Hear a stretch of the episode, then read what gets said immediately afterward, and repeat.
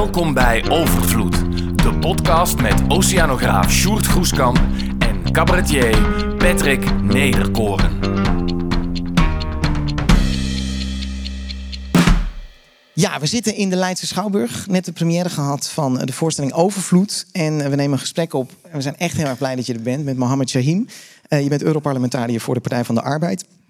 Je bent gepromoveerd in de econometrie.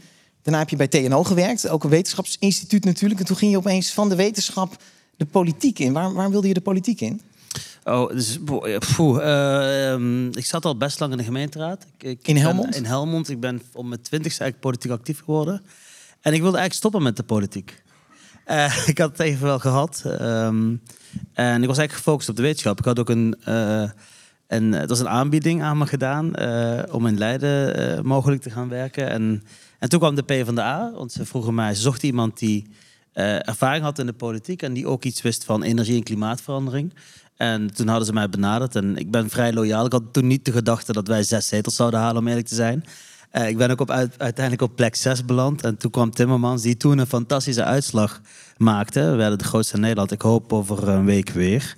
Uh, dat is mijn enige politieke boodschap vanavond. Ja, je bent uh, je ging meedoen. Frans Timmermans uh, die, die zorgde toen voor een enorme uitslag. Maar je ja. had toen al wel besloten dat je dus van de lokale politiek de landelijke politiek in wilde. Of de uh, Europese politiek. Dat ja. is best wel een, een, overstap. Toch, dat is van stoeptegels naar enorme wetgeving die voor 26 landen geldt. Ja, klopt.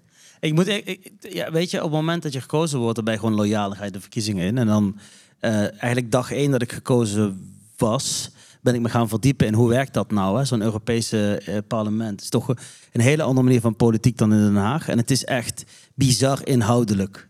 Uh, uh, ik heb daar ook een vrij snelle carrière gemaakt. Ik denk ook op basis van de inhoud. Toen ik toen er na anderhalf jaar een vacature was binnen de grote sociaal-democratische familie, voor de duidelijkheid, we hebben 144 leden, zo ongeveer even groot als de Tweede Kamer uh, zocht dus ook iemand die ja, echt iets extra's kon brengen op het gebied van energie, industriebeleid en klimaat. En toen werd ik het, wat eigenlijk niet gebruikelijk is in zo'n hiërarchische organisatie.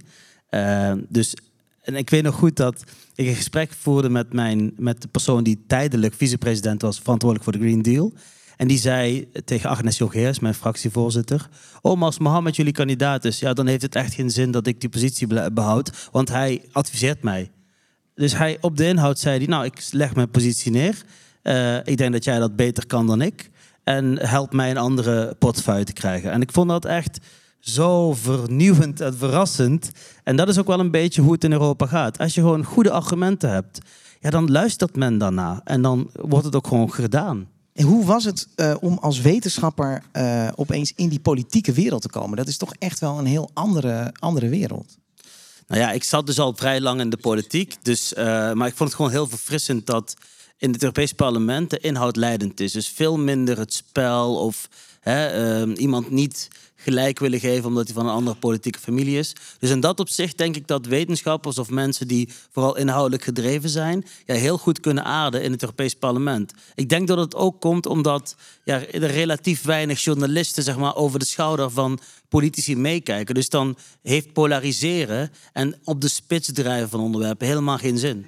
Heb je het idee dat, dat als het om wetenschappelijke feiten, bijvoorbeeld over klimaatverandering gaat, dat er in Europa eigenlijk meer naar geluisterd wordt dan in een misschien wel veel gepolitiseerde of gemediacratiseerde uh, wereld van de nationale politiek?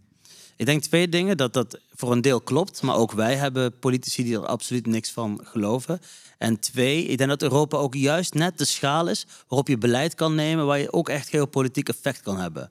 dus wij zijn tot voor kort waren we de grootste consumentenmarkt van, van de wereld. Dus op het moment dat wij groen gaan consumeren, dan heeft dat ook echt effect. Wij kunnen landen als China dwingen te investeren in vergroening als wij eisen stellen aan de producten die uit China komen, want zij willen onze markt niet verliezen. Dus we hebben, ja. ja. Nou, dus je bedoelt, als je hier goed beleid hebt, dan kun je het ook aandurven. Terwijl als je het als land alleen doet, dan zijn de economische gevolgen voor een land misschien veel groter. Nee, wat ik zeg is dat je als je klimaatverandering serieus neemt en je besluit daar op Europees niveau uh, beleid op te maken, wat ook echt geopolitiek op, op wereldschaal is, is Europa net groot genoeg om effect te hebben, dan kun je ook een marktkracht hebben om andere landen dwingen mee te doen. Wij kunnen standaard zetten. Wij kunnen bijvoorbeeld zeggen, we willen graag alleen nog maar groen staal geproduceerd zien. Dus wij kopen in Europa alleen nog maar groen staal. Nou, 8% van de totale CO2-uitstoot wereldwijd, of 7%, wordt daarmee beïnvloed.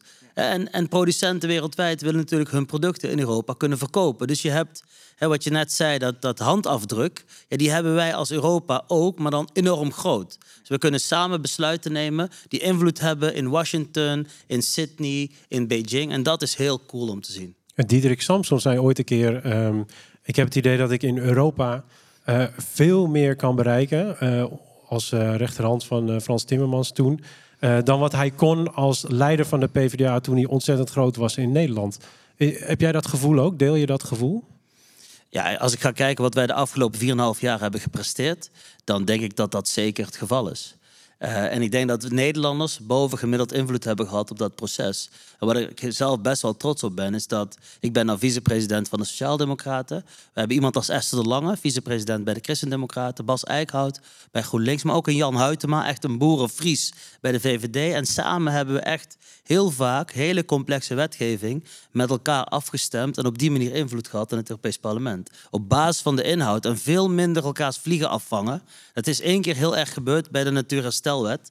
Uh, uiteindelijk hebben wij alsnog gewonnen en is er een natuurherstelwet. Wat ook heel belangrijk is. Dus ik, ik schuw zeg maar politiek spel niet en, en druk zetten op collega's. Alleen ik denk als de inhoud klopt, ja, dan moet je toch wel heel erg wegkijken, het don't look up idee hebben, eh, om dan daar niet in mee te gaan. Want voor mij is natuurherstel en klimaatverandering zijn twee zijden van dezelfde medaille. Je hebt gewoon herstelde ecosystemen nodig om klimaatverandering aan te pakken. Ik bedoel, ja, jij zegt het, de oceanen zijn enorm belangrijk. Dus als dat niet herstelt, ja, dan kun je met allerlei techno technocratische of technische oplossingen helemaal niet uh, het probleem echt oplossen. Ik vind het heel mooi dat je dit zegt. Ik ging ook, uh, wij hebben natuurlijk uh, um, informatie opgezocht over jou. En we dachten, ja, waar gaan we het allemaal over hebben? Maar jij bent betrokken geweest bij zo ontzettend veel uh, dingen die ontzettend goed zijn voor het klimaat binnen Europa. Ik, hier een lijstje, het CBAM, daar willen we het zo meteen even wat meer over hebben. Uh, CBAM. Ik kan alleen niet goed de microfoon vasthouden. Dat, natuurherstelwet, de Green Deal, de wet kritieke grondstoffen. En het gaat nog door, dat rijtje. Dat zijn allemaal enorm invloedrijke wetgevingen waar jij echt een hand aan hebt gehad. Um, ja, ik vond dat ontzettend indrukwekkend. Maar ik had daar wel een vraag over. En jij hintte daar nu net al een beetje aan. Van, hoe werkt dat nou? Want jij, jij bent dus wetenschapper uh, en jij moet dan in zo'n soort wespennest van mensen, uh, moet jij dan onderhandelen. En, en gebruik jij daar dan echt, moet jij mensen overtuigen met wetenschappelijke kennis? Of is het veel meer een spel van mensen en, en overtuigen op ja, ander soort argumenten of zo? Hoe, hoe werkt die politiek? Hoe krijg je nou een wetgeving voor elkaar? Een beetje een combinatie van beide. Ik vind echt dat je de inhoud die moet je gewoon echt goed begrijpen. Of zorg ervoor dat je mensen om je heen hebt die de inhoud goed begrijpen. We hebben echt gelukkig hele goede medewerkers. En, en zonder die medewerkers had ik het werk niet kunnen doen uh, wat we hebben gedaan. En dus de inhoud moet goed zijn. Als een lobbyist tegenover mij zit en mij allerlei verhalen vertelt. Eh, als ik daar enigszins kennis over heb, dan prik ik daar heel makkelijk doorheen. Lobbyisten hebben ook um, ja, die moeten echt voor goede huizen zijn voordat ze überhaupt uh, met, met mij geconfronteerd willen worden. Eén keer zijn ze mij wel achterna gelopen naar het toilet. Dat was wel een verkeerde keuze, moet ik eerlijk zeggen.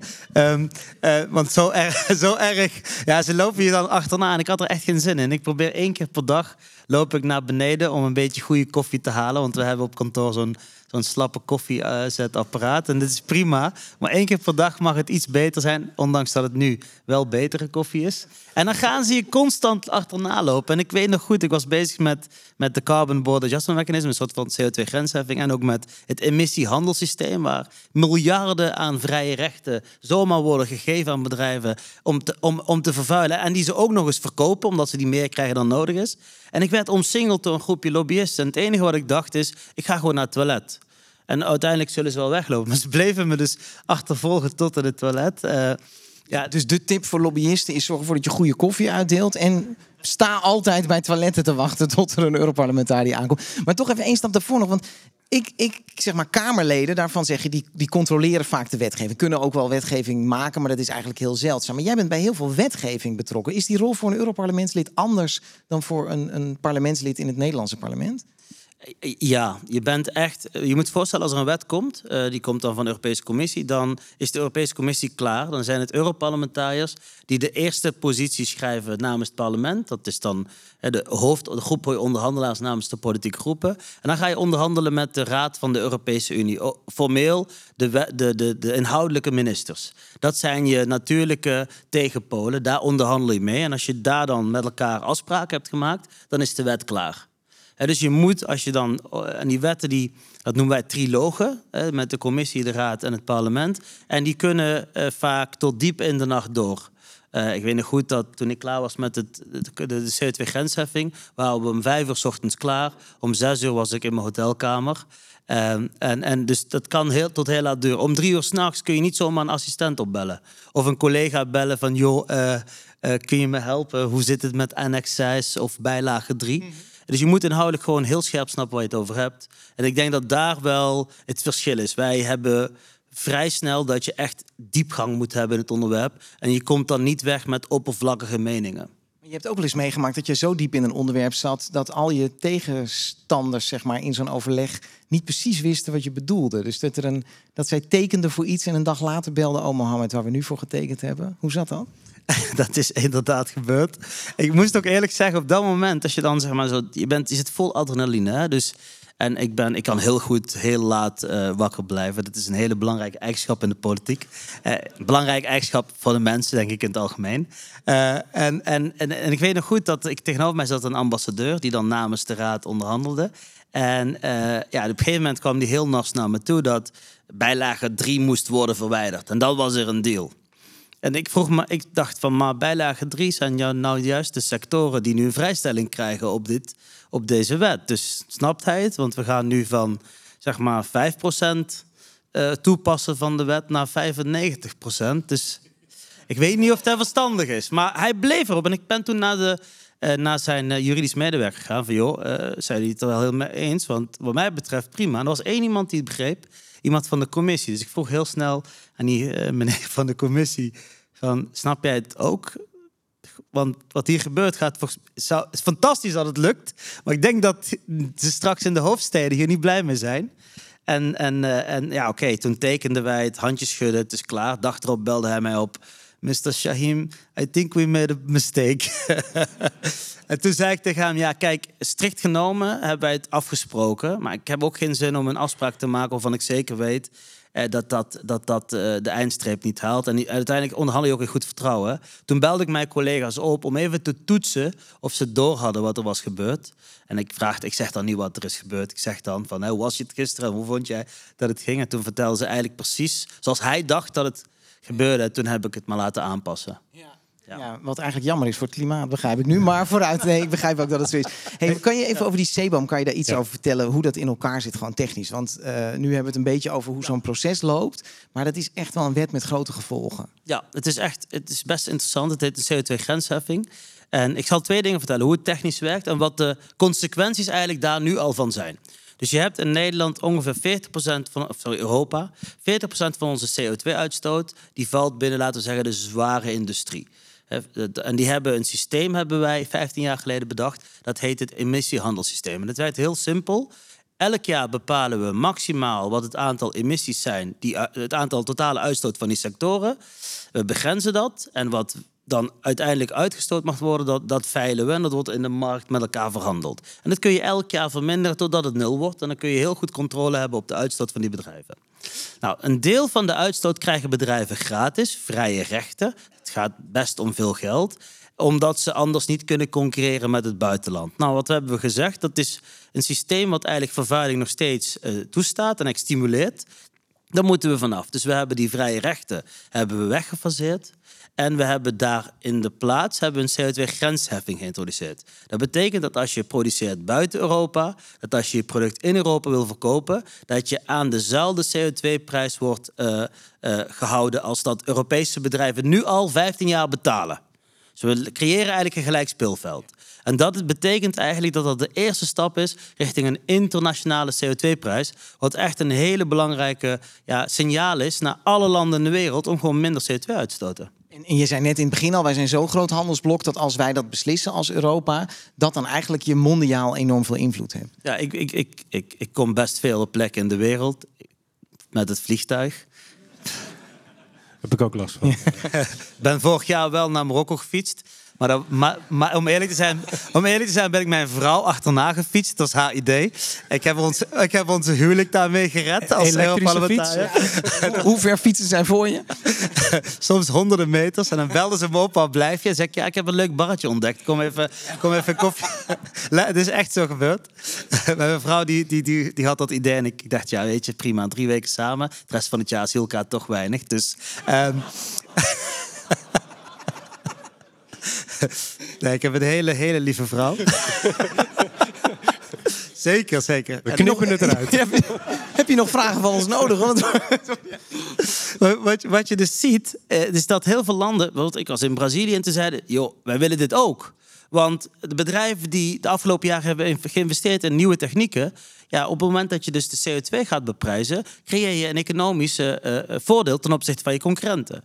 Eh, landen als Marokko, Turkije, die rondom Europa liggen, die zeggen we willen ook een emissiehandelssysteem introduceren. Want we hebben helemaal geen zin om Europa geld te betalen voor onze CO2. Die we zelf ook, dat, dat geld kunnen we ook zelf eh, vangen. En zo zie je op steeds meer plekken in de wereld of een emissiehandelssysteem ontstaan.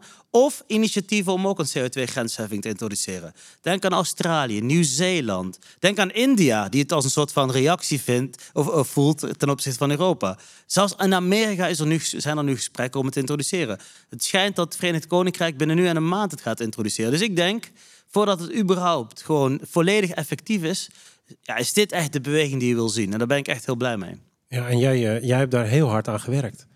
Dus jij hebt daarmee een enorme invloed op eh, de CO2-uitstoot in de wereld. Wat, ja, dat is echt bewonderingswaardig. Ehm, ik ga toch een gemene vraag Dat stellen. mag. Ja. Gaat het snel genoeg? Ehm, weet je, als het gaat om de anderhalf graad, is het een beetje, je moet hoop hebben. Kijk, heel erg belangrijk als het gaat om verandering, is hoop echt belangrijk. Omdat dat zorgt voor positiviteit. Verandering zonder hoop leidt tot anarchie, leidt tot destructie. Dus wij moeten mensen ook niet alleen een doemscenario voorhouden, maar ook vertellen dat het echt anders kan. We kunnen naar een economie die circulair is, die volledig gebaseerd is op groene energie. Maar als je echt eerlijk bent, is het niet meer de vraag: halen we de anderhalf graad? Maar is het de vraag: hoe lang blijven we boven de anderhalf graden? Als je eerlijk bent, weet je, dit jaar gaan we in Dubai gaan we kijken naar de global stocktake. Hoeveel CO2 mogen we eigenlijk nog uitstoten en hoeveel CO2 hebben we eigenlijk al uitgestoten sinds Parijs? Dat ziet er niet goed uit. Dat is vijf jaar hoogstens. Maar dat zal er wel toe leiden dat landen hun National Determined Contributions, hun nationale bijdrage aan Parijs, dus hoeveel CO2-vermindering gaan we nu daadwerkelijk halen, ja, bijschakelen. Want het is ver van de pledge, dus de belofte, en dan daadwerkelijk wat, gaan, wat we willen doen. Daar zit nog een gapend gat tussen. Eh, en dat moet echt dicht. En, dat, en ja, dat is een belofte en dat is nog niet. eh, eh, dat is niet. ehm, ehm, daar, is niks, daar zijn geen consequenties aan verbonden. Behalve straks heel veel extreem weer, rampen, noem het waarop. Maar als überhaupt landen al zich uitspreken dat ze dat deel en een iets ambitieuzer deel op zich nemen, ja, dan weten we in ieder geval waar we ongeveer, eh, hoe we dit probleem ongeveer gaan oplossen. Maar om het iets scherper te stellen, ehm, als je kijkt naar wat we wetenschappelijk gezien weten over klimaatverandering en de gevolgen, vind je dat de overheid goed voor de mensen zorgt? Ja, kijk, ik vind dat we meer moeten doen. Maar ik ben niet de baas in Europa. Ik ben een van de stemmen in Europa. Ik heb er alles aan gedaan om in eerste instantie in onze klimaatwet 65% CO2-reductie op te nemen. Want dat is wat de wetenschap vraagt. Ik moet ook vertellen dat we komen van een periode dat 49% al werd gezien als ambitieus in 2030. In het begin van, eh, eh, toen ik net Europarlementariër was, was het in mijn fractie ook gewoon enorm. Er zaten gewoon sceptici van, ah, 55% moet dat wel. Binnen twee jaar is dat gewoon stabiel een groep geworden die 55 eigenlijk gewoon normaal vinden. Ik denk dat we in 2030 rond de 60% zullen uitkomen. Omdat als je alle plannen bij elkaar optelt, dus ook de natuurherstel, dan gaan we iets boven de 55% uitkomen. Dus het, we, doen wel, we doen nog niet genoeg, maar het begint. En ik vergelijk het altijd met de eerste klap om de Berlijnse muur af te breken. Die eerste klap had heel weinig effect. Maar leidt er uiteindelijk wel toe dat die muur zal worden gebroken. Het is niet zijn dijk, voor de duidelijkheid. Uh, maar, maar het is belangrijk. Verandering begint vaak met doen. Dus niet wachten op anderen. De Chinezen openen elk jaar een kolencentrale, of elke dag een kolencentrale. Ja, maar ook heel veel zonnecentrales en windparken, et cetera. En met dit plan, wat echt bestaat uit 34 wetten, pakken we prijsprikkels aan, subsidies, hebben we doelen, maar ook heel belangrijk, producteisen. We willen straks gewoon geen uh, smerig staal. We willen dat cement veel duurzamer wordt. En zo zorgen we ervoor dat al jullie individuele data, daden op die gloeiende plaat, die echt die plaat kunnen uh, verkoelen, maar dan moet die vlam uit. En met de European Green Deal zetten we de vlam uit. Ik, uh, ik heb zelden zo'n inspirerend verhaal gehoord over wat er allemaal al, al gebeurt. Uh, ik wil toch nog iets heel persoonlijks vragen. Want um, ja, je, zit, je hebt ook uh, twee kleine kinderen. Uh, jij doet dit allemaal, maar het, ja, je offert daar ook heel veel tijd voor op. Dus ook, ook, je ziet je gezin daardoor veel minder. Nou, je vrouw dus al helemaal niet. um, oh, drie weken per jaar. Maar ja, hoe doe je dat? Hoe ga je daarmee om persoonlijk? Hoe, ja, want dat, dat is nogal wat. Ja, dit, dat is best wel het moeilijkste deel om als, van het zijn van Europarlementariër. Want eigenlijk heb je een duaal leven. Ik heb mijn leven van maandag tot donderdag, meestal in Brussel of Straatsburg of eigenlijk elke andere hoofdstad in, in Nederland. En dan meestal donderdagmiddag tot, zon, tot maandagochtend in Helmond. Ik probeer altijd donderdag mijn kinderen op te halen, vrijdag te brengen en op te halen. Brengen is vandaag gelukt, ophalen niet. En dan maandag brengen. Dus je probeert echt de dagen dat je er bent veel meer te focussen op je, op je privéleven. Ik moet eerlijk zeggen, toen ik, voordat ik Europarlementariër was, werd ik in Den Haag. Eerst in Delft, daarna in Den Haag. En in de avond had ik heel vaak gemeenteraadsvergaderingen. Ik was fractievoorzitter, heb je het presidium voor overleg. En dan was ik meestal om half vijf op, uh, 6 uur 30, sorry, half zes op, 6 uur 30 de trein naar Den Haag. Die ging nog rechtstreeks uit Helmond. Uh, vier uur trein terug, zes uur ongeveer in Helmond. Eten naar de gemeenteraad, 11 uur terug. En ik ging naast mijn vrouw uh, liggen. En ja, ik, ik, woonde elke, ik was elke dag thuis, maar ik was er ook niet. En nu probeer ik de dagen dat ik er echt ben, er ook echt te zijn. Ik denk niet dat ik uh, datgene doe wat ik zou willen doen, uh, bij, uh, zeker thuis. Maar ik probeer wel, als ik een, het feit dat ik er niet ben, probeer ik wel te compenseren door keihard te werken. Door constant na te denken over hoe kunnen we deze wet beter maken. Hoe kan ik ervoor zorgen dat ik deze groep mensen overtuig. Met industrie in gesprek. Dus het is wel zo dat ik de dagen die ik in Brussel of in Straatsburg ben.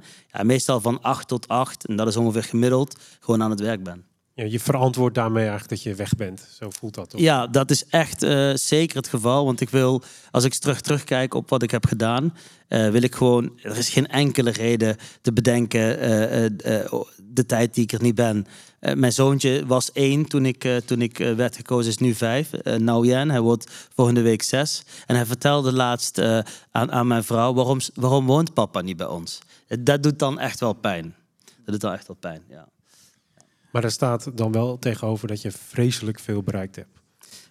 Dat wil ik gewoon even zeggen. Om de pijn dat, een klein me, beetje te verzachten. Me, dat doet me wel echt goed. Uh, Dank je wel. Um,